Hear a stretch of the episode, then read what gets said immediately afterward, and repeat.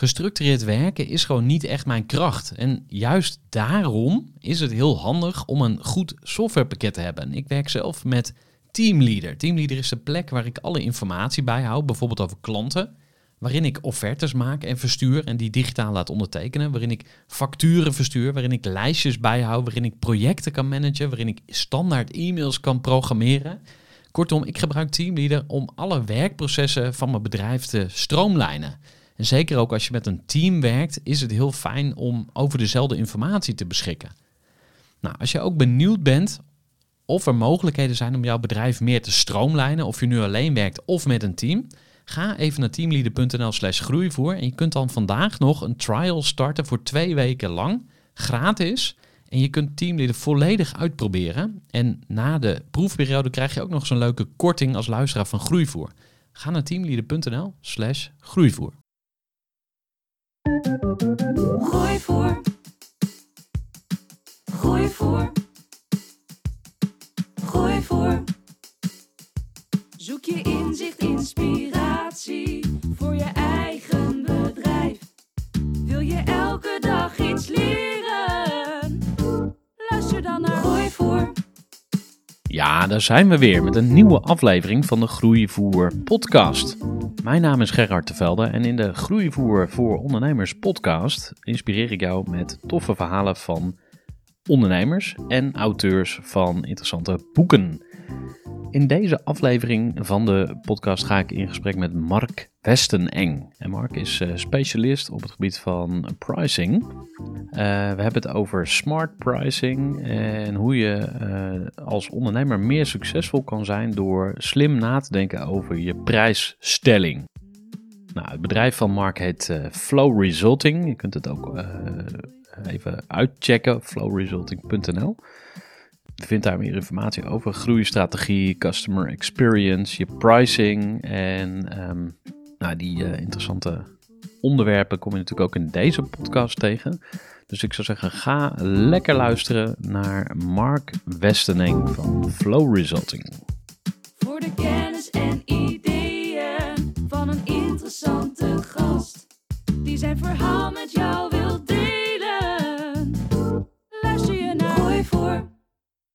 Hartelijk welkom bij de Groeivoer podcast. Dankjewel voor de uitnodiging. Ja, wat ik eigenlijk eh, wil vragen is, eh, stel jezelf in eh, kort bestek voor.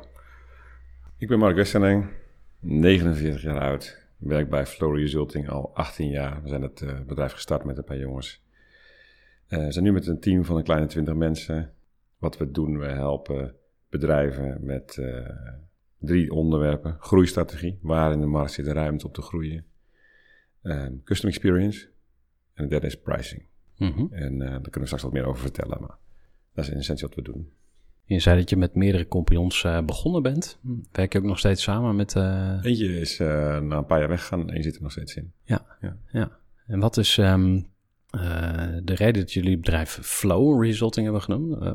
Is die naam al eh 18 jaar geleden bedacht? Ja. Of hoe, Ja, hoe het liefst hadden we, het liefst heten we gewoon Flow.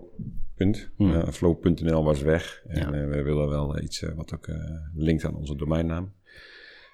Toen we het bedrijf gingen oprichten, toen was het boek van eh Mihai Csikszentmihalyi eh, net eh, een beetje hot aan het worden. Mhm. En het concept flow sprak ons toen heel erg aan. Eh, flow, in een flow zijn, een topsporter kan dat hebben, een ondernemer kan dat hebben, iedereen kan dat hebben. Als je iets doet op de toppen van je kunnen, je bent heel productief en je hebt ondertussen ook heel veel plezier, vaak met een, een, een gevoel, een verstoord gevo- eh, besef van tijd. Mhm. Dat je denkt van, hè, ben ik nou vier uur lang bezig geweest en eh, eigenlijk heb ik het koud en ben ik naar het toilet, maar Ja. ik ben al die tijd geconcentreerd bezig Aha. geweest. Eh, heb je vast dat ik ook wel eens gehad. Zeker, zeker. En dat in flow zijn. En, en wat ons aansprak is de combinatie van heel productief zijn en ondertussen gewoon heel veel lol in je werk hebben. Hm. Nou, wie wil, wie wil dat nou niet? Ja. En dat doen jullie voor eh, ondernemers? Wer- wer- werken jullie voor MKB of ja, wat meer voor grote bedrijven? Of, eh, Meestal grote bedrijven. Ja. Dus eh, voor, voor Volkswagen, voor Rabobank, voor Schiphol, voor Nuon. Voelen ons ook echt niet te goed om naar Mhm. MKB te gaan. Maar meestal eh, de wat grotere bedrijven. Ja. ja. En is dat zo gegroeid, zeg maar? Of zijn jullie vanaf dag één ook bij de grotere bedrijven gaan Ja. aankloppen? Nou, meestal kloppen ze bij ons aan. Dat is het goede nieuws. Aha. Dus ehm, we hebben een hele hoge netto promoter score. Hè, dus een Mhm. hele hoge klanttevredenheid. En de mond-to-mond reclame die doet zijn werk. Dus eh, ook deze afgelopen paar weken dan eh, gaat de telefoon weer van bedrijven waar je nog nooit van gehoord hebt. Dus, Aha. zo willen we het graag hebben. En hoe verklaar je dat zonder bescheiden te willen zijn? Eh, nou, we zijn ook maar met 20 man. Hè? Hmm. Dus ik was, hiervoor was ik partner van het bureau, gaf ik leiding aan, leiding aan 70 consultants. Dus Mm. ik weet wat het is om eh, eh, meer mensen leiding te geven. En eh, ooit een goede vriend van mij die zei van jullie belangrijkste beperking voor groei is je hoge kwaliteitsnorm. Hmm. Dus misschien moet je af en toe tevreden zijn met een 7 en af en toe zijn een 8 in plaats van altijd voor die 9 gaan. Hmm. Dus we zeggen ook heel vaak nee. Ja. Tegen nee tegen sollicitanten. We krijgen veel open sollicitaties. We zeggen nee tegen opdrachten waarvan we denken, nou, kunnen we niet zo goed. Of kunnen we ons niet goed voor Hmm. opladen. Of, ja, Dus energie, als je het niet voelt, dan ga je het niet doen. Hoe, hoe, eh, hoe ziet dat proces eruit? En wie neemt Ik- die beslissing? Zit jij daar? nou, heel vaak proberen we die samen met de klant te nemen. Van, eh, zijn we wel de beste match? En eh, oh, soms zeggen we wel van, joh, dit moet je gewoon zelf doen. Hmm. En eh, dat alleen al is natuurlijk ook altijd een hele goede motivatie voor verkoop. Als een klant Hmm. ziet van, hey, je bent niet het zoveelste bureau wat alleen maar bezig is met hoe maak ik mijn opdracht zo groot mogelijk. Ja. Maar je bent een bureau wat kijkt, waar ben ik goed in? Waar zit mijn toegevoegde waarde? En af en toe zegt van, nou, ik weet een andere partij die het beter kan. Of Hmm. dit kan je zelf wel doen. Of joh, dit is gewoon, ja, wij zouden het heel anders aanpakken dan wat je nu vraagt. Nou, Ja. Soms doen we het dan ook niet. We Ja. ook een beetje eigenwijs. Maar dat wordt over het algemeen heel gewaardeerd, omdat klanten zeggen van, hé, hey, je zit hierin, ik voel een stuk oprechtheid, betrokkenheid bij mijn doel. Je bent niet bezig om de taart voor jou zo groot mogelijk te maken. Je bent bezig om echt te helpen. Ja.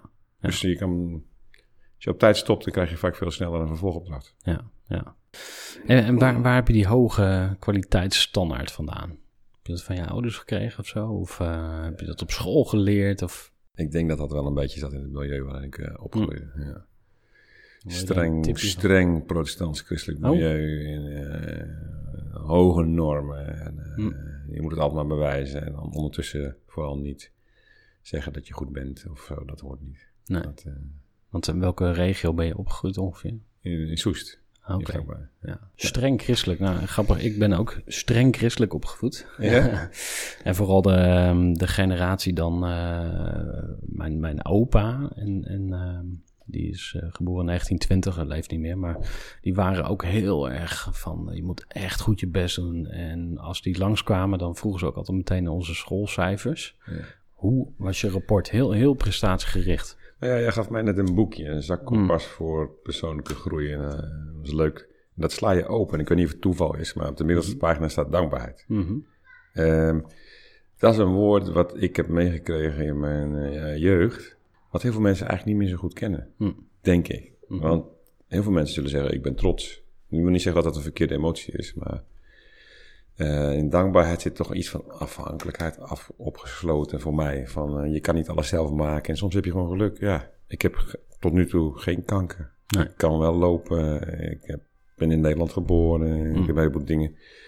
Ja, dan kan ik mezelf op de borst slaan. Dan kan ik denken, ja, ik ben gewoon dankbaar. Ja. Ja, dat is wel een van de dingen die ik ook wel heb meegekregen. Ja, ja. ja bij trots ehm, denk ik ook aan het ego. Want eh, ondertussen eh, gaat een politieauto voorbij, denk ik. Dat gebeurt hier wel vaker. We zitten dichtbij het Lepelenburg in Utrecht, waar ook eh, eh, allerlei studenten capriolen uithalen. En en dak- en thuislozen verkeren, maar dat terzijde. Ehm ja, trots wordt ook wel ge- gekoppeld aan ego. Daar stond ik eerst niet zo, niet zo bij stil. Maar eigenlijk als je zegt ik ben trots, dan zeg je van ik, ik heb het enorm goed gedaan. En, en, en, en je mag ook trots zijn natuurlijk. Ehm, dankbaarheid is natuurlijk weer heel anders. Heb je daar een soort ritueel voor ook? Of ehm, eh, dat je dingen opschrijft of benoemt? Of hoe, hoe, eh, hoe pas je dat toe in je leven? Ehm, Of in je bedrijf misschien? ehm, nou, ik denk dat, dat eh, de neig, mijn neiging, en dat zit voor mij een beetje in ons bedrijf, is ook om heel snel te kijken naar wat er nog beter kan. Ja. Eh, Terwijl het ook heel goed is om te benoemen wat, eh, wat goed is en waar je blij mee bent en waar je dankbaar Mm. voor bent of welk woord je Ja. daar wil geven. Ja, dat is meer op het gebied van je eigen persoonlijke ontwikkeling. Het is wel eens goed om. ehm, eh, ik zit wel eens in de auto en dan zeg ik tegen mezelf: van, nou, ik ga nu vijf zinnetjes afmaken met, met ik ben dankbaar voor. Ja. dan moet, je, moet je opletten wat er nou gebeurt. Ja. Als je dat hardop uitspreekt. Dan zit je na een minuut anders in de auto dan daarvoor. Ja, ja. ja er wordt, ehm, op, op eh, social media wordt wel veel over dankbaarheid ook gesproken tegenwoordig. En eh, eh, Ernst Jan Fout van de correspondent, die heeft daar ook een ehm, eh, boek, boekje over gemaakt. Dat heet het Dankboek. En het eerste deel is uitleg. Dat zijn de eerste 30 pagina's of zo. En de rest van het boek is leeg. En daar kan je dus gaan opschrijven waar je dankbaar voor bent. Ik moet zeggen, ik, het lukt mij niet om het in een goed ritueel echt vast te leggen en te blijven doen. Dus ik heb het wel eens in mijn telefoon gedaan en dan hou je het een tijdje bij en dan vergeet je het weer. Maar ehm, ja, misschien moet het veel meer ingesleten raken nog en moet het gewoon in je, in je systeem gaan zitten. Dan wordt het echt een levenshouding. Ehm, en het is ook mooi als je het in je, in je bedrijfscultuur kan stoppen. Ja. Dus ik weet niet of jullie daar... eh, is, het, is het dan ook een van de kernwaarden bij jullie... die ergens aan de muur hangt? Of Nee, is het veel subtieler dan dat?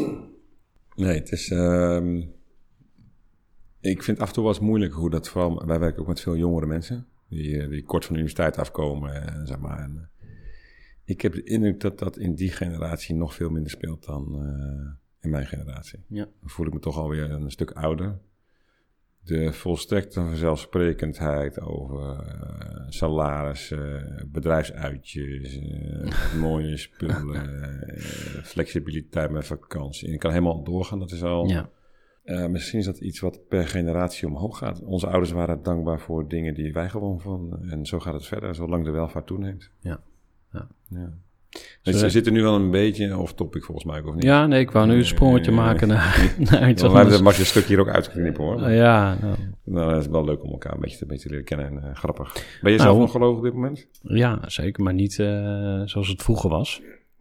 En toevallig eh, zat ik gisteren een interview terug te luisteren... wat ik met een andere gast deed. En dat ging onder andere over dit onderwerp. En ik geloof niet... Dus ik zeg nou eigenlijk altijd dat ik iets geloof, maar eh, dat- het is niet aan of uit. Dus het is niet zo van of je gelooft of je gelooft niet. Je gelooft heel veel verschillende dingen. En dat is best wel subtiel. En eh, ja, je kan ook gedurende de tijd iets anders gaan geloven. Het is ook in de ontwikkeling, zeg maar. Eh, maar als de vraag is van geloof je dat er meer is dan we kunnen zien of vastpakken, Ja, dan zeg ik van ja, dat geloof ik al. Maar wat het dan precies is en of het dan God eh, heet en eh, of het een, nou ja, een man met een baard is zoals we het vroeger eh, geleerd hebben, nee, dat niet op die manier. Maar ja, het komt heel vaak te- ter sprake in de, in de gesprekken die ik voor de podcast doe. Grappig. Ja, maar het gaat ook over de essentie van waar sta je voor. Dus je kan het ook wel weer gaan koppelen aan je kernwaarden en vervolgens aan de why van je organisatie. Ja. Of de, de, de purpose of de missie, of wat je dan ook, ehm, Ja. hoe je het ook noemt. Hebben jullie een bepaalde purpose? Of Ja. vind je dat een modewoord? Of hoe zou ik geloof zeker dat het op dit moment in, eh, in de mode is. En ook Hmm. wel eh, dat het eh, de wise circle van Sinek een beetje overrated is op dit moment.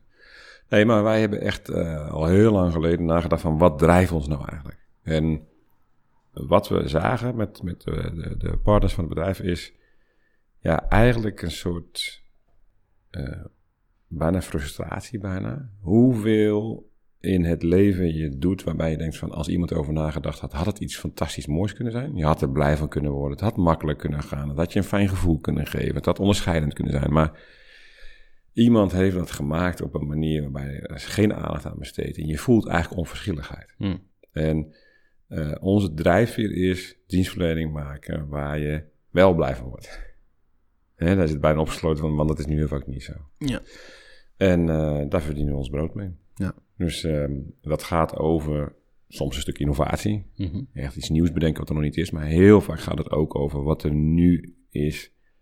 Optimaliseren, beter maken, fijner maken, warmer maken, makkelijker maken. Ja.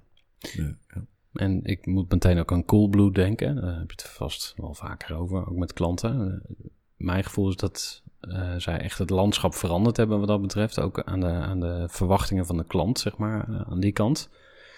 Eh, die hebben de lat enorm hoog gelegd. Ja. Klanten zijn nu denk ik ook veel verwender dan vroeger. Als je 15 jaar De norm gaat omhoog. Ja. Hoe, hoe, hoe zie jij dat? Ja, nou, de norm gaat absoluut omhoog. Hmm. Dus, want als je nou kijkt naar wat is nou wat Coolblue doet, wat echt iets is wat je niet had kunnen bedenken. Heel veel dingen is, wat wij heel vaak zeggen, de basis van een journey is, van een customer journey is het gewone, ongewoon goed doen. Mhm. Ja. Dus niet per se iets waarvan iemand zegt, nou, dat had ik nou nog nooit kunnen bedenken. Dus het gewone, ongewoon goed doen, dat is vaak waar je handen aan vol hebt. En dan wil ik zijn, e-commerce is een vrij simpel businessmodel, want het product kan je op honderd eh, andere plekken krijgen. Ja. De prijs is volstrekt transparant. Ja. Eh, en die bezorg, eh, bezorging, nou, ze doen het voor een stukje dan zelf, maar eh PostNL heeft het ook uitstekend rapport over het algemeen. Dus waar zit het dan? Hm. Ja, nou ja, de gewone dingen ongewoon goed doen. Ja, en, ze, en je betaalt er een kleine premium voor, omdat je weet, bij hun klopt de voorraadinformatie wel. Ze doen niet moeilijk over retour. eh, en je wil het snel hebben. Het is allemaal makkelijk, het werkt allemaal. Ja. En dat zie ik op dit moment in heel veel sectoren, dat de, de concurrentie op dit moment zich voor een groot deel afspeelt op gemak. Mhm. Je ziet wat er Ja. tussen banken nu gaat, tussen eh, bezorgdiensten van supermarkten, de Mhm. maaltijden. Ehm, een heleboel sectoren zie je dat gemak is een, op dit moment waar de concurrentie plaatsvindt. Ja. En de vraag is natuurlijk van, is dat echt een, een, een duurzaam concurrerend voorbeeld, eh, voordeel? Hm. Hè, heb je daar echt een voorsprong mee of is het iets wat wordt ingehaald? Ja. Want ja, eh, Coolblue heeft een goede track-and-trace functionaliteit, maar die heeft binnen bij iedereen. Ja. Ehm, dus ik vind, dat, ik vind dat spannend. Wat wordt het volgende? Ja. En ik denk dat bijvoorbeeld hun, wat zij doen met het advies, hè, die medewerker die dan advies geeft van eh, wij zouden dit doen of dit is Coolblue's keuze. Zolang dat maar wel echt een eerlijk advies is en niet is ingekocht door de Philips of de Samsung Mm. enzovoort. Zodat je achteraf denkt van shit, ik heb iets ver- verkocht, maar klopt, eigenlijk klopt hun review niet. ja. Precies. Dan zijn ze alles kwijt. Ja. Ja. Ja, dan kom je bij, bij vertrouwen. Ja. Daar had je net ook over eigenlijk eh, toen je het over je eigen bedrijf had. Van, nou, eh, soms dan adviseer ik eh, de concurrent of in ieder geval niet ons. Ja. Je hebt dat, dat, dat rijtje van know, like, trust. Hè? Dus mensen moeten je kennen, ze moeten je aardig vinden. En dan moeten ze je ook nog gaan vertrouwen. En dat laatste, dat is natuurlijk het grootste heikele punt. Ja. Waarom vertrouwen mensen Coolblue dan? Nou, ik denk dat het- als je kijkt naar hoe werkt vertrouwen, ehm, je zou het uit elkaar kunnen trekken in twee lagen. De eerste laag is ben je betrouwbaar. En de tweede laag is ben je te vertrouwen. Dus betrouwbaar, dat kun je in alle literatuur over, over klantbeleving nalezen. Betrouwbaar, essentie is, doe je wat je zegt en kom je in je afspraken na. Dus dat betekent dat als ze zeggen van we hebben er nog tien op voorraad, dat het ook zo is. En hoe vaak heb je niet bij een webshop dat je het bestelt? Want er staat een groen lampje en is op voorraad. En de volgende dag krijg je wel, ja, sorry, hij is niet op voorraad. Ja, dan- Ja. Of we dan- zeggen van, hey, we versturen meteen zodat je morgen naar huis. En ja hoor, een uur later is hij ingepakt en zit hij in de vrachtwagen. Dus, dus de eerste laag is, doe je wat je zegt, kom je afspraken na. Even een korte onderbreking met een belangrijke vraag aan jou. Want wat heb jij geregeld voor het geval je van de ene op de andere dag zou komen uit te vallen? Wat gebeurt er dan met je bedrijf, maar vooral wat gebeurt er met jou persoonlijk en ook in financieel opzicht? Samen met ASR voerde ik drie openhartige gesprekken over tegenslag en veerkracht. En dat deed ik met Saskia, Vincent en Pieter. Ondernemers met een bloeiend bedrijf die van de ene op de andere dag niet meer konden werken. En die verhalen hoor je in aflevering 256, 257 en 258 van deze podcast. Als ondernemer wil je natuurlijk niet uitvallen. En daarom is het belangrijk dat je veerkrachtig bent, want voorkomen is beter dan genezen. En als het dan toch misgaat, is het fijn dat je iets geregeld hebt, zodat je weer snel door kunt met ondernemen. Wil je weten hoe veerkrachtig jij nu bent? Vul dan in twee minuten de veerkrachttest van ASR in. Ga naar asr.nl slash veerkrachttest ondernemers. Ehm, als dat niet gebeurt, dan zak je altijd door het ijs. Hm. Doe je het wel, dan ben je nog niet een koning in vertrouwen. Mhm. Dus het tweede is, ben je te vertrouwen? Dat is, en dat zie je vooral daar waar sprake is van asymmetrie in informatie en in kennis. Mhm. Dus jij bent de expert en ik ben eigenlijk afhankelijk van jouw oordeel. Durf ik op jou te leunen, op jouw advies? En geef jij mij advies over wat voor mij het beste is? Of adviseer jij die verzekering waar jij de hoogste provisie voor krijgt? Ja. Of ehm, hè, bij, de, bij de autogarage ehm, geloof ik echt dat jij meedenkt. nou ja, je moet dan lachen. voorbeeld. Ja. Nou ja, maar ja, oké, maar of de autogarage of, de, Ja. of nou ja, eh, het energiebedrijf waar jij jarenlang klant bent. En omdat jij een loyale klant bent, krijg je een hogere rekening. Terwijl als je overstapt, krijg je ieder jaar 300 euro korting. Is dat nou vertrouwen? Hm. Maar ga maar nou, waar jij je geld aan uitgeeft iedere maand. Dat is eh, je hypotheek, je verzekering, je auto, je energierekening, de kabelmaatschappij. Allemaal op hetzelfde probleem. De bad profits. hè, De Mhm, winsten ja. waarvan je eh, zegt van... als de klant zou weten hoe het Ja. zit... dan zou hij er eigenlijk niet blij mee zijn. Nu je het zo zegt, dat herinner ik me inderdaad van jouw keynote toen. Die good profits versus bad profits. Ja. Dus, eh, kan, je- kan je daar eens wat meer over vertellen? Wat is het verschil? Nou, eh, stel jij zit bij Ziggo of bij KPN of Mhm. zo'n soort partij... en jij betaalt daar iedere maand 60, 70 euro aan... voor jouw kabelabonnement en dat je misschien kunt bellen. Of internet in ieder geval. Mhm. De Ziggo's van deze wereld, die weten feilloos... hoeveel jij gebruik maakt van die bandbreedte waarvoor je betaalt. En ze weten dus ook van iedere 100 klanten welke, ik noem maar wat, 20... het niet eens zouden merken Ja, als ze terug zouden gaan van een abonnement van 60 euro per maand naar een abonnement van 30 euro per maand. ja. Want die sturen af en toe een mailtje en doen voor de rest helemaal niks. Gaan ze die mensen nou proactief benaderen en zeggen van... joh, jij kan 30 euro per maand besparen. Of zeggen ze nou, Die pakken we gewoon lekker. exact. Ja. Dat, daar gaat het over. Ja. Eh, nou, bijvoorbeeld een Rabobank, die, die, die, eh, ik, weet dat, ze- ik weet niet of dat nog steeds doen, maar in het verleden deden ze dat. Dan, dan zagen ze dat de huizen meer waard eh, waren, werden door de, door de prijsstijging in de markt. Dan gingen ze uit zichzelf klanten benaderen. Zeiden van, joh, jouw huis is nu waardig gestegen. Kunnen we zien in, in het kadaster of in de WOZ-register. Mhm. Grote kans dat jouw rente naar beneden kan, want we lopen minder risico. Dus dan ga je, dat is een goed voorbeeld. Ja, ja. Van, dus heel veel werk ga je doen om het eigenlijk minder te verdienen. Mhm. Nou, dat is een voorbeeld van good profit. Je haalt er nu eh, inderdaad ook eh, de, de, de ethische kant van de zaak bij. Hoe, hoe, ehm, eh, hoe ga je daar richting klanten mee om? Dus ik kan me ook wel eens voorstellen dat de klant een, een vraag heeft dat je denkt, ja, maar daar heb ik eigenlijk niet zoveel zin in om daaraan mee te werken. Ja. Of dat je al in een project zit en dat dan pas de aap uit de mouw komt. Ja. Dat was meegemaakt. Eh, ja, zeker. Ik denk dat. eh, we horen regelmatig van klanten van. eh, jullie maken het ons niet makkelijk. Hm. En dat betekent ook in een spiegel voorhouden. En natuurlijk heb je daar iets van een vertrouwensrelatie voor nodig. Om dat tegen een klant te mogen eh, zeggen dat dit ook op geaccepteerd wordt. Ja. Maar ik heb wel eens bij een energiebedrijf, een heel groot energiebedrijf. in Nederland het onderwerp bad profits bespreekbaar gemaakt. Ik zei van, nou, zullen we daar eens gewoon een brainstorm over doen? Mhm. En eh, toen moesten eerst de gordijnen dicht. Oké. Ze waren bang dat er een eh, foto werd gemaakt vanuit een ander eh, gebouw. En dat eh, de journalist van het Financieel Dagblad geïnformeerd zou worden. Oh, oké. Dus Ja. eh, nee, zo proberen daarmee om te gaan. Eh, andersom ook. eh, eh, weet je, in ons vak gebeurt het ook al eens dat iets echt veel sneller gaat dan je gedacht hebt. Dan kan Mhm. ik denken van, joh, ik heb heel veel winst. Maar heel vaak zeg ik ook tegen de klant van, joh, die ging veel sneller. Nou, dat Ja. geeft zoveel vertrouwen. Ja, ja, Vertrouwen begint ook al vaak met geven. ja. Dus, eh, Dus dat is eigenlijk ook misschien wel een van de succesfactoren van, van jullie bedrijf. Want denk ik. Er zijn natuurlijk zoveel adviesbureaus en eh, bedrijven die iets, iets doen met marketing of met bedrijfsgroei. Ja. Je hebt het 18 jaar nu al, ja, draait het zeg maar. Eh, is de inhoud van jullie vakken erg veranderd?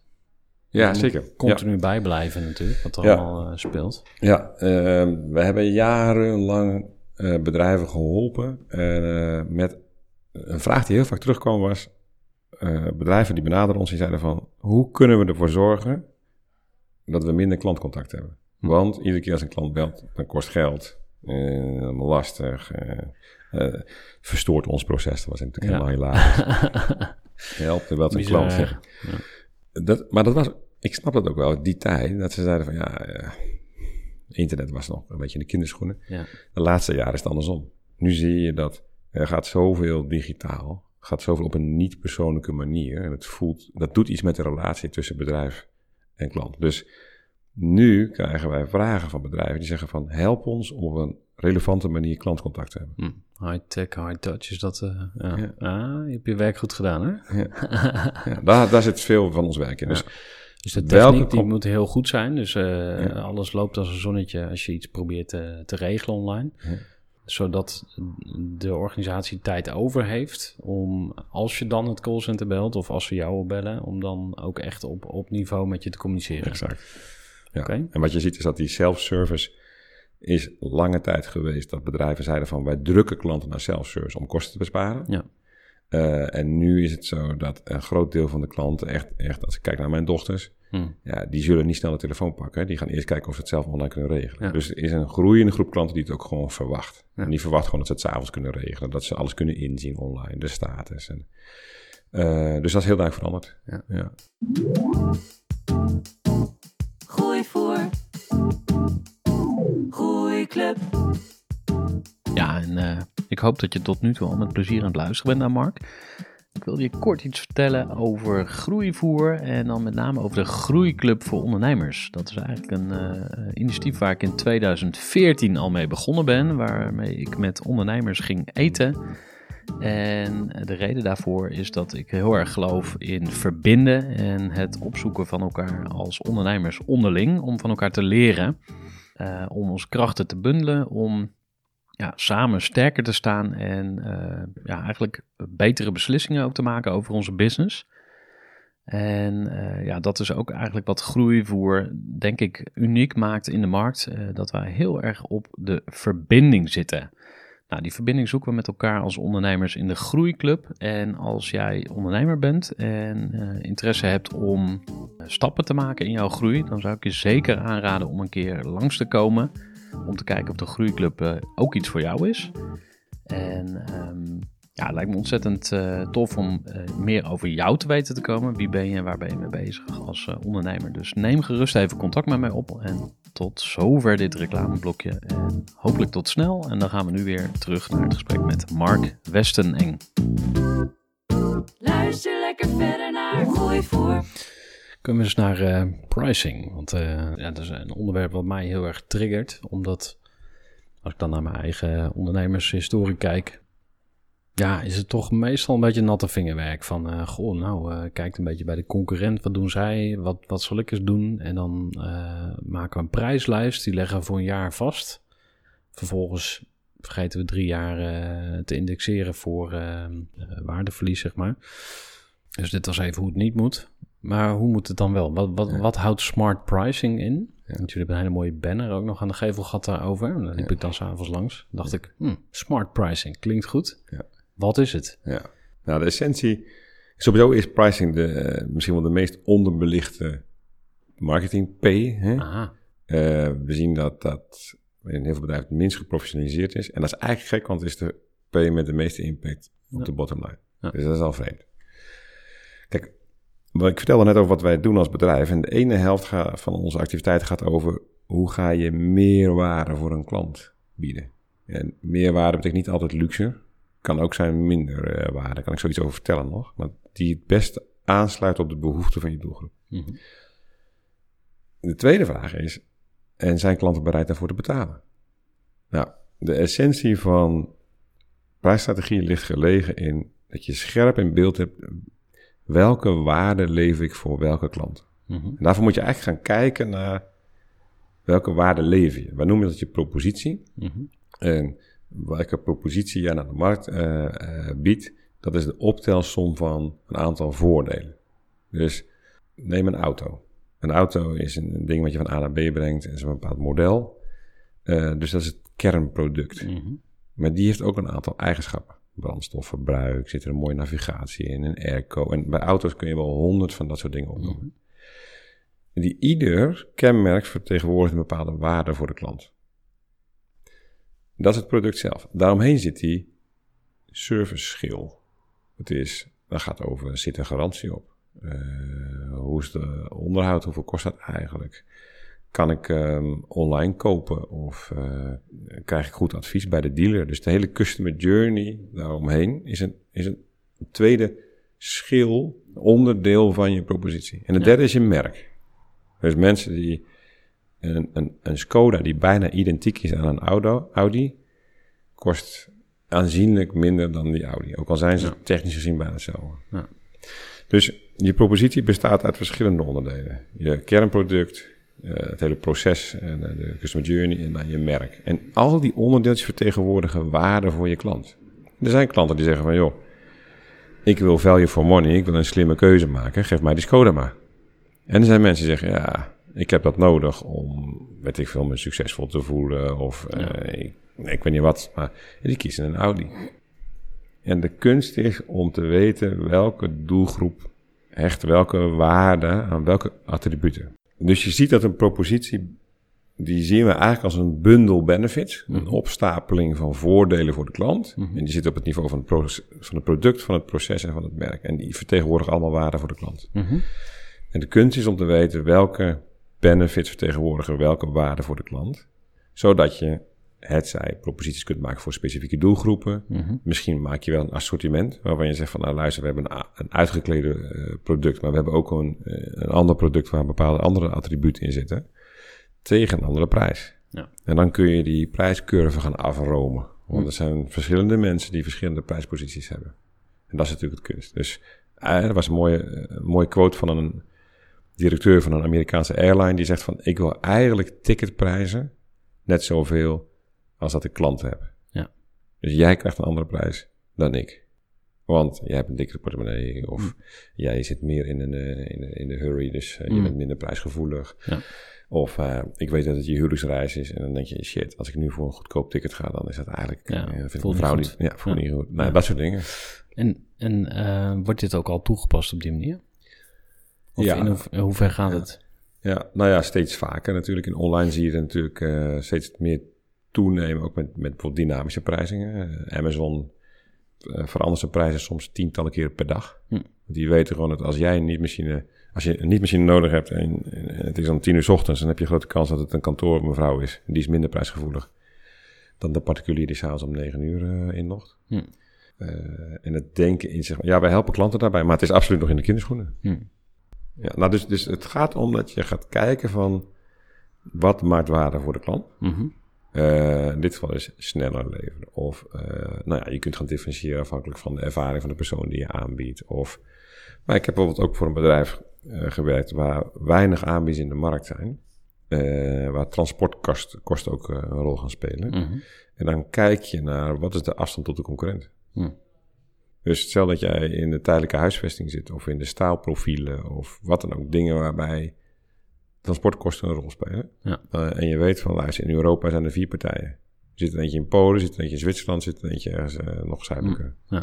En er is een partij die net over de grens in Duitsland eh, zit en die gaat jou benaderen. Nou, dan kun je al uitrekenen wat het nadeel is van die andere partij die iedere Ja. keer zijn mensen heen en weer moet rijden. Hoge transportkosten en dat, dat tikt zwaar door. Ja. Heb je ook een, een manier om rekening mee te houden? Ja. Is dit ehm, op een of andere manier iets wat je zelf zou kunnen onderzoeken als eh, ondernemer? Ja, Want het inhuren van een adviesbureau, ja. daar zullen veel ondernemers denken, ja, ja, dat kost weer 10.000 euro. Ik weet niet waar, waar het bij jullie eh, begint, zeg maar. Dat een beetje jullie vanaf prijzen zijn, maar ja dus daar kan ik niet zo zeggen. Het echt af van wat Nee. we dan precies gaan doen. ja. We hebben een, eh, een soort instappropositie. Dat is dat we een workshop geven en Hm. een keertje eh, met het team aan de slag gaan. Ja. Een pressure cooker heet dat. Ja. Eh, Op het gebied van pricing dan. Specifiek op eh, het gebied ja, van pricing. ja. En eh, dat is een heel overzichtelijk tarief. En eh, het staat op onze website ook. Dat Ja. Letterlijk, je gaat met je eigen team aan de slag. Ja. Zonder grote statistische analyses. Maar je gaat, duikt wel echt de cijfertjes in. En Ja. aan het eind van de dag heb je dan een aantal inzichten waarmee je aan de slag gaat. ja. Dat is natuurlijk superleuk. Dat is heel laagdrempelig. En, eh, Ja, en moet je ook met je klant praten? Misschien als je wat verder bent als, als eh, bedrijf, dat je wat meer geld verdient en ja, wat meer spek op de bot hebt, zeg maar, vlees op de bot hebt, dat je dat dan gaat uitbesteden of zo. Dat je, eh, maar het komt eh, in mijn hoofd komt, komt marktonderzoek pas op als ik een probleem heb. Dus als er een bepaalde pijn is van hmm, eh, ik groei niet meer of mijn winst is te laag of mijn klanten lopen weg of wat dan ook. ja, nou ja, Maar eigenlijk ben je dan al te laat. Of dan, of nou, het is niet te laat, maar Nou ja, kijk, eh, dus, dus stel je maakt een, eh, je hebt zwarte cijfers, eh, dan denken sommige mensen dat ze geen probleem hebben. hmm, Terwijl als je nou met dezelfde inspanning drie keer zoveel kon verdienen. Ja. Want vergeet niet dat je het prijs met 10% verhogen, betekent Mm. soms een verdrievoudiging van de winst. ja, ja. Nou, nee, precies. En dat zien heel veel bedrijven niet. Ja. We deden ooit voor een eh, importeur van vrachtwagens een studie, prijsstudie. Dat was bedoeld om de fabriek te laten zien van, kijk, die, die prijs klopt niet in de Nederlandse markt. Nou, dat project dat kostte, ik weet niet meer, 35.000 euro, dat is best veel geld. Maar dat was in zes dagen terugverdiend. Ja, precies. In zes dagen. Ja. Dus eh, per jaar leveren ze meer dan 2 miljoen euro extra op. Ja. En dat zien we heel vaak. Dat bedrijven zichzelf enorm tekort doen, omdat toch maar ja, een beetje kost plus. Hè? Zeg maar, ja, we vinden gewoon dat we deze marge moeten halen. Ja. En nul differentiëren op basis van de value. Hè? We noemen het value-based pricing. Mm, op basis ja. van de value die het voor een specifieke klant vertegenwoordigt. Want hoe, kan je dat in je proces eh, verankeren, zeg maar? Want ik, ik noemde al even de prijslijst, waar dan iedereen in kijkt van, nou, eh, Ja. wat kost het? Ja. Of een bepaalde range, zeg maar. Maar als je echt value-based pricing gaat doen, dan... Het, het allersimpelste eh, hangt natuurlijk sowieso af van welke sector Mm. je zit en welke Mhm. business. Hè. Zit je in een tendergedreven business of niet? Maar, eh, het allersimpelste is dat je met je team aan de slag gaat en gaat nadenken over wat maakt nu waarde voor mijn klanten Mhm. en waarop zou ik dan kunnen differentiëren. En dan gewoon grote stappen snel thuis maar eens beginnen. En dat je begint met van iemand die binnen 24 uur iemand wil hebben, die betaalt 10% meer dan iemand die na een week moet hebben. Ja. Dat is heel simpel. Ja. Als je erover na gaat denken, in jouw Mhm. sector kom je nog op meer dingen. Want je, Ja. je kent die sector veel beter dan ik. En dat over, met elkaar over gaan hebben. Wat een hele leuke werkvorm daarvoor is, is dat je met jouw mensen van de buitendienst, als je, als je accountmanagers hebt of verkopers of mensen aan de telefoon, ehm, ze is in een hok zet en zegt van, schrijf het nou eens op. Als iemand moet kiezen voor eh, ons of voor een concurrent. Wat zijn de drie of vijf belangrijkste criteria waar die klant op let? Hm. En je mag niet overleggen, je moet het voor jezelf opschrijven. En je zult zien, ik heb het al tientallen keren gedaan. Mhm. Er komen niet vijf keer hetzelfde, of of als je met vijf mensen komt niet vijf keer hetzelfde lijstje uit. Mhm. En dat is eigenlijk dus heel bijzonder. Want jouw verkopers lopen buiten en ze hebben allemaal een andere opvatting over waar een klant blij van wordt. Ja. Dat betekent ook dat eh, de mevrouw die bij jou de marketingcommunicatie voor de website doet, die weet niet wat ze op moet schrijven. Mhm. Want de ene verkoper zegt, nee, je moet zeggen dat we heel snel kunnen leveren. En de ander zegt, nee, we hebben een hele hoge klanttevredenheid. En de derde zegt, nee, we hebben een garantie. En, de- hè? Dus dat is moeilijk. Ja. Nou, als jullie het zelf dan niet eens zijn, in je eigen bedrijf, hoe moet je dan een prijsstrategie maken? Ja. Dus dan moet je sowieso eens over na gaan denken van, oké, we denken dat ze dit belangrijk vinden. Nou, als ze dat heel belangrijk vinden en wij scoren er heel goed op, hè, op snelheid, op ervaring, op weet ik veel wat. Als we heel veel waarde vertegenwoordigen, dan zijn klanten bereid daarvoor te betalen. Dat weten we. Dat is altijd zo. Mhm. En sommige klanten niet. Maar dan komt de volgende discussie. Wil je die als klant? Ja. Dus die vraag gaat komen. Dus als je alles voor iedereen wil zijn, dan eindig je met Mhm. dat je niemand bent voor, eh, voor de markt. Hè? Ja. Dus ehm, dat is een hele leuke werkvorm. Zet die mensen in een hok. Wat vinden onze klanten belangrijk? Ga daar het gesprek over aan. En ga op basis daarvan eens kijken van hoe zouden wij nou bij spreken drie prijstafels kunnen maken. Mhm. Of misschien is het een soort stroomschema. Dat je zegt van, wil je het snel hebben? Nou, dan ga je linksaf, dat is plus 10%. Is het een klant waar we heel lang mee samenwerken of is het een nieuwe klant? Nee, is het een nieuwe klant. Is het eentje waar we heel graag binnen willen komen? Nou, dan mag je 10% korting geven. Ja. Ik, zo bouw je het op. Ja, ja. En ehm, eh, wordt de klant nog ergens aangehaakt in dat eh, hele proces? Of hoe pak je dat aan? Ja, nou, er zijn, dat hangt ook weer af van de context. Ehm, als we onderzoek kunnen doen, afhankelijk van de, de grootte van de klantenbase, doen we dus kwantitatief onderzoek. Mhm. Dan vragen we echt aan klanten. Dan gebruiken we conjoint onderzoek mee. En wat we ook doen in kleinere, eh, bijvoorbeeld in B2B heb je vaak veel minder klanten. Mhm. Ehm, en wat we dan gebruiken is een techniek die heet CMALTO. Een ingewikkelde afkorting, maar die, je gaat eigenlijk in een interview met klanten valideren of wat je gezegd hebt over waarde nou waar is. Mhm. En nou, ik het heel simpel uit moet leggen, dan kan je aan de klant zeggen van, nou luister, iemand die kost bij ons 50 euro per uur, ik noem maar wat. En je mag kiezen. Eh, hij mag, eh, heb je eentje van 0 jaar ervaring of van 10 jaar ervaring. Hoeveel is dat je waard? En als je dan 55 euro kost, wil je hem dan nog steeds of maak je dan een andere keuze? En dan ga je in een interview op een gestructureerde manier klanten laten aangeven welke keuzes ze maken en welke trade-offs. Mhm. Want je bent op zoek naar van wat is de waarde die ze eraan toekennen. Mhm. Dus op een gegeven moment maken ze een bepaalde keuze. En als je het maar duur genoeg maakt, dan gaan ze op een gegeven moment afhaken. Nou, dan weet je waar ongeveer die, dat prijspunt Ja. zit. Oh, er zijn allerlei modellen voor. uh, Gaber, Granger. eh, nou, het is allemaal veel te technisch. Maar je gaat vragen, en bij welk bedrag vind je het nou te duur worden? En ook wanneer vind je het te goedkoop worden? Ja. Maar als je het niet te, goedkoop maakt, dan doet het ook afbreuk aan je Waardeloos. Ja. Ja. Vanochtend was ik bij The Village op de Voorstraat hier. En ze zitten wel op meer plekken. En eh, ik appte naar hem. eh The Village verkoopt geen koffie, maar ze verkopen zelfvertrouwen of coolness of een gevoel Ja. of wat dan ook. En ehm, komt een beetje omdat ik eh, een maandje terug een boek van eh, Seth Godin eh, eh, uitlas. Ehm, een van zijn klassiekers. Ben even Purple Cow. ja, ja, een- ja het was, die was het niet. Maar een van de vragen die hij stelde was... waarom betalen mensen 600 dollar voor een fles Chanel nummer 5? Dat heeft dus niks meer met dat, met dat kernproduct te maken. En dus dat, dat is super interessant om daarover na te denken. Van eh, welke waarde zit er in het, eh, of welke waarde ervaart de klant? Ja. Ik heb ooit een column geschreven, die, die kunnen jouw luisteraars nog nakijken op onze website. En die heet, met chocomel sta ik tenminste niet voor lul. Ja. En het gaat over, ik, ik woon eh, aan, aan een plas en als die bevroren is, dan mag iedereen komen schaatsen en zo. En toen zei ik van, eh, ik had namelijk een onderzoek gelezen over Lidl. Lidl heeft ook een eh, goede sub, eh, chocomel. Ik weet niet meer hoe die precies heet. Die komt beter uit een bindentest dan de chocomel. Hm. Voor minder dan de helft van de prijs. Dus meer mensen vinden hem lekker. Voor minder dan de helft van de prijs. Dat is eigenlijk gek. Dat is een ontzettende krachtige propositie. Exact. En Toch? toen Ja. zei ik van, stel je nou voor dat ik mijn hele familie uitnodig om te komen schaatsen. En ik heb die Lidl chocomel, cho- chocolademelk. Ja. En mijn neefjes zeggen, ik vind het niet lekker. Wat is de afdronk? Mark is een of andere super zuinige krent die ons geen chocomel waard vindt. Dus, Ja. nou, nu zie je dus, met chocomel sta je niet voor lul. Dus je- Ja. je, koopt een stuk zekerheid. Je koopt, ik heb aandacht besteed aan mijn klanten. Ja. Ehm, dus nu over medewerkers. Wij weten dat koffie op de werkplek een hele belangrijke driver is van, klant, Mm. van de medewerkerstevredenheid. Mm. Goede koffie vinden mensen belangrijk. Teken van aandacht of zo. Of Ja. gezien worden. Dus of- hoe, ja. hoe ga ik nou als koffieverkoper ervoor zorgen dat ik als werkgever, die echt 1000 euro per jaar meer kwijt is aan koffie, omdat ik met jou zaken ga doen, dat ik kan overbrengen aan mijn mensen dat ik het beste met ze voor heb. Ja. Maar de koffieboer die daarover nadenkt, die moet ik nog tegenkomen. Ja. Want het zijn natuurlijk ook gewoon commodity douwers die gewoon Mm. dus niet nadenken over wat is mijn probleem. Dus mijn probleem is misschien niet alleen koffie uit de automaat krijgen, dat lukt me wel. Ja. Mijn probleem is zorgen dat ik op een hele krappe arbeidsmarkt laat zien, jongens, jullie zijn het waard. Ja. Ik geef jullie koffie van X, Ja. Y, Z. Ja. Want, wow, nou dat is net de chocomel van de, de chocolademelk.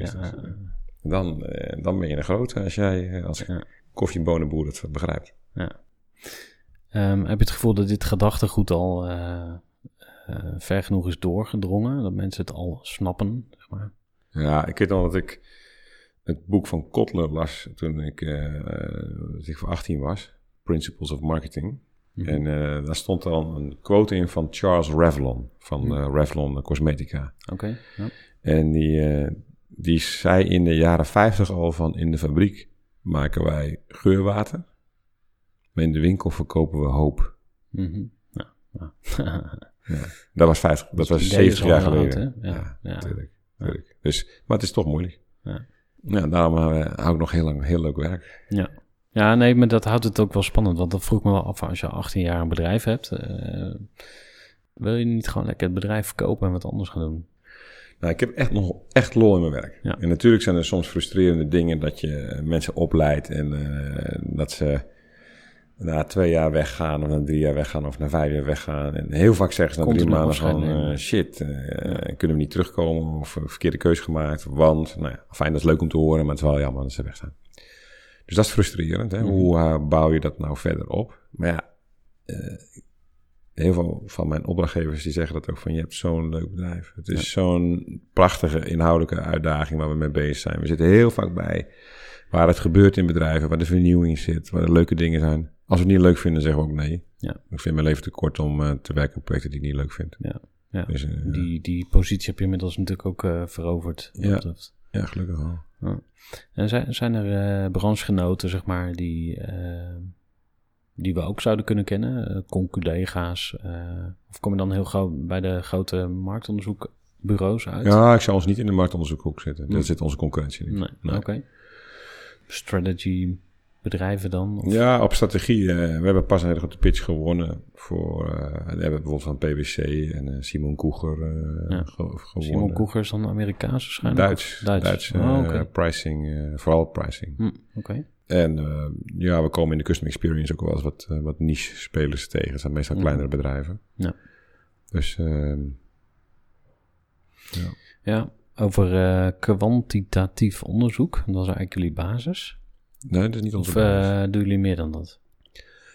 Nee, het is grappig dat je zegt van eh, jullie baas ligt in kwantitatief onderzoek. Dat is, dat is volstrekt niet waar. Oké. Dat is beeldvorming wellicht hoor. Maar ehm, nou, in die zin ben ik er blij mee. Omdat de suggestie daarmee is dat we heel effect-based werken. En dat wat ook waar is, dat proberen we. Maar ehm, wij doen heel veel in gesprekken met klanten. Het voorbeeld van de, de koffiehandelaar die erachter komt dat hij eigenlijk zijn bedrijfsklant moet helpen om zijn medewerkers tevreden te krijgen op het gebied van drank, koffie. Ja.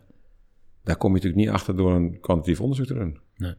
En, en ik verzin het nu ter plekke, omdat ik één, ik denk een beetje op die manier vanuit Mhm. proposities en ik ben zelf een werkgever. Maar ehm, Hoe kom je er wel achter dan? Dat je gewoon Door rondwandelt bij zo'n... eh, Nou ja, eh, met klanten praten en vooral ook Ja. observeren. Ja. Hè? Eh, want wat klanten zeggen is nog lang niet altijd wat ze echt vinden. nee, wat ze precies. Ja. Dus dat is lastig. Ehm, maar we doen bijvoorbeeld... Hè, we, custom experience is, is een van onze drie competentiegebieden. We doen heel veel onderzoek over...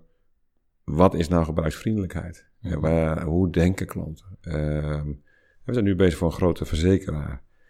om de hele customer journey rondom schade melden te optimaliseren. Dus je hebt schade, je rijdt je auto in de prak of je, Ja, je, wordt inboedel, precies. En dan?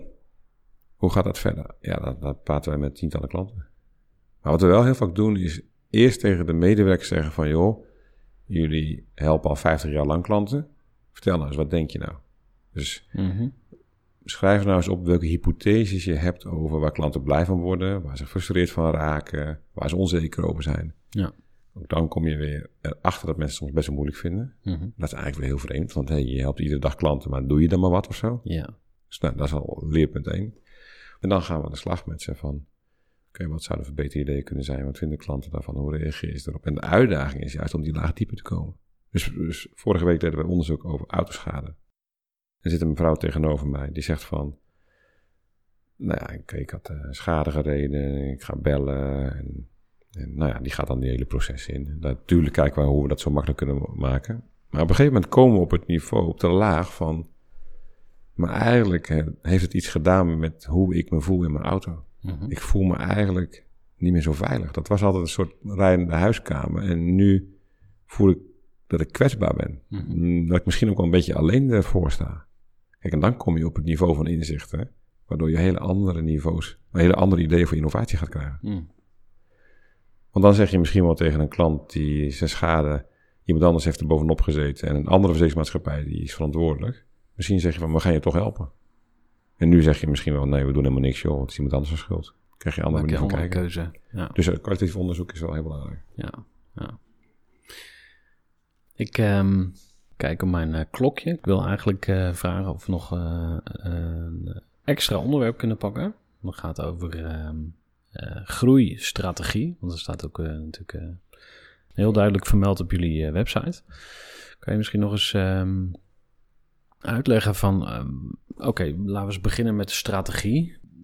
Ik, als ik weer eh, even terug ga naar dat, naar dat MKB, ik denk dat heel veel ehm, bedrijven misschien niet eens een strategie hebben, of misschien wel een strategie hebben, maar hem niet eh, volgen. Weet je wel, na drie maanden weer wat anders gaan doen, of een half jaar. Dus hoe blijf je op het pad? En een groeistrategie, wat is, wat is van volgens jou de manier om te groeien? Wat Ja. zijn je opties? Ehm, ja, wat, wat uit wetenschappelijk onderzoek blijkt is dat waar je in de markt actief bent, welk deel van de markt, ehm, heeft meer voorspellende waarde voor je groei dan je marktaandeel. Dus we noemen het where to play. Mhm. In welk deel van de markt ga jij actief zijn? Dus wat je, wat je ziet is dat de, een markt, of je nou in de markt voor koffie zit of voor detachering van facilitaire medewerkers of van autoverkoop of wat dan ook. Die markten zijn altijd segmenten Mhm. in zichtbaar. Ja. En ehm, de, de truc is om op tijd de juiste segmenten te selecteren. Dus eh, kijk naar de autosector, hè? elektrische auto's bijvoorbeeld.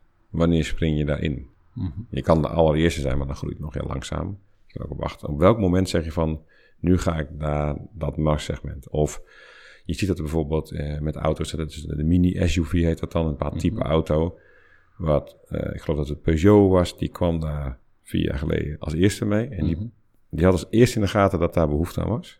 En die hebben zich helemaal schil verkocht. En dat duurt dan twee jaar voordat de concurrentie komt. En denken, oh, die willen we ook allemaal. En dan is het druk. Hè? Maar, en als dat segment harder doorgroeit, als je daar vertegenwoordigd bent omdat je daar actief bent, dat verklaart meer hoe hard je groeit dan je marktaandeel. Hm. De meeste managers worden gestuurd op marktaandeel. Mhm. Dat is bijzonder. Dus groeistrategie gaat niet per se over de vraag hoe ontwikkelt jouw marktaandeel zich nu in dit marktsegment? In de eerste plaats gaat het over de vraag van waar, where to play noemen we dat. Ja.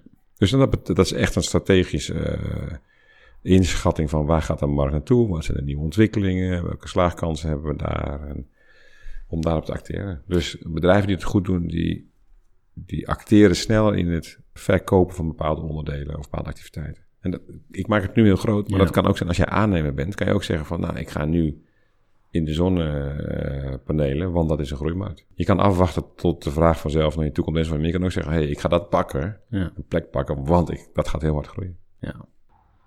Heb jij wel eens eh, externe coaching ingekocht of zo? Hoe, hoe laat jij je weer begeleiden? Ja. Nou, wij sturen onze mensen naar eh, hele goede opleidingen. Gaat eh, volgende week weer iemand een week naar Australië toe Hm. zelfs. Dat is wel, eh, dat is wel een record qua air miles. Maar eh, en dat is ook niet voor iedereen Wat hoor. is daar dan? eh, Nou, hij gaat naar een eh, professor eh, die, die eigenlijk wel de wereldgoeroe is op het gebied van positionering. Hm. Eigenlijk het vraagstuk van hoe zorg je nou dat je echt relevant bent voor je klanten en ook onderscheidend in de markt ten opzichte van je concurrenten. Eh, dus we willen investeren heel veel in vooroploop in kennis. Nou, ik lees zelf heel veel boeken. Wij vragen soms ook eh, mensen om ons eh, feedback te geven. Dus Ja. dan komt er iemand hier binnen en die gaat met alle medewerkers praten. En die zegt van, hoe gaat het nou in de samenwerking? Kunnen jullie dat nog beter doen? Mm. Doen we ook wel eens. Niet zo vaak hoor, maar doen we ook wel eens. zo min mogelijk. Gastsprekers. Nee. Ja. nee, maar we hebben recent gehad. Eh, regelmatig gastsprekers over bepaalde onderwerpen binnenhalen. Dus ehm bijblijven. Ja. Ja. Heb je leestips voor eh, onze lieve luisteraars? Ja, op onze, op onze website staan een paar eh, boekbesprekingen. En, af en toe pikken we daar leuke boeken uit. Dus Ja. flowresulting.nl. Ja. Ja, ik vind zelf een leuk boek. In, in, dat heet Uncommon Service van Francis Vrij. Dat is een Harvard hoogleraar, een mevrouw. En die legt eigenlijk uit dat je moet durven om ergens niet goed in te zijn. Hm. Je ziet heel veel bedrijven die overal goed in proberen te zijn. Maar het eind van dit is, je kan niet in alles goed zijn. Hm. En als je dat bent, dan ben je onbetaalbaar. Dus dan ben je niet goed in prijs. Dus je moet keuzes maken. Ehm, nou, dat kan zijn dat je bepaalde klantsegmenten niet bedient... of bepaalde voorwaarden stelt. Of nou, ik weet niet wat, maar Ja. dat is een heel belangrijke. Ook voor MKB'ers, keuzes maken. Thanks voor het gesprek. Ja, tot zover eh, dit gesprek met Mark van Flow Resulting. En zijn persoonlijke motto is: blijf je verwonderen. Nou, dat vind ik een hele mooie, want eh, dat is precies wat ik elke week doe bij het interviewen van een eh, toffe gast. Als jij een tip hebt voor iemand die ik beslist een keer zou moeten interviewen, stuur dat ook gerust in. Ik geloof heel erg in ook je optrekken aan andere ondernemers die al net even een stapje verder zijn dan jij zelf. En ehm, nou, als je andere suggesties hebt voor deze podcast, dan zijn die natuurlijk ook altijd van harte welkom.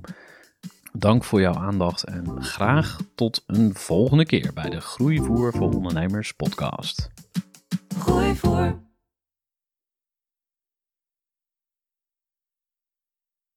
Gestructureerd werken is gewoon niet echt mijn kracht. En juist daarom is het heel handig om een goed softwarepakket te hebben. Ik werk zelf met Teamleader. Teamleader is de plek waar ik alle informatie bijhoud, bijvoorbeeld over klanten. Waarin ik offertes maak en verstuur en die digitaal laat ondertekenen. Waarin ik facturen verstuur, waarin ik lijstjes bijhoud, waarin ik projecten kan managen, waarin ik standaard e-mails kan programmeren. Kortom, ik gebruik Teamleader om alle werkprocessen van mijn bedrijf te stroomlijnen. En zeker ook als je met een team werkt, is het heel fijn om over dezelfde informatie te beschikken. Nou, als je ook benieuwd bent of er mogelijkheden zijn om jouw bedrijf meer te stroomlijnen, of je nu alleen werkt of met een team, ga even naar teamleader.nl slash groeivoer en je kunt dan vandaag nog een trial starten voor twee weken lang, gratis. En je kunt Teamleader volledig uitproberen. En na de proefperiode krijg je ook nog zo'n leuke korting als luisteraar van Groeivoer. Ga naar teamleader.nl slash groeivoer.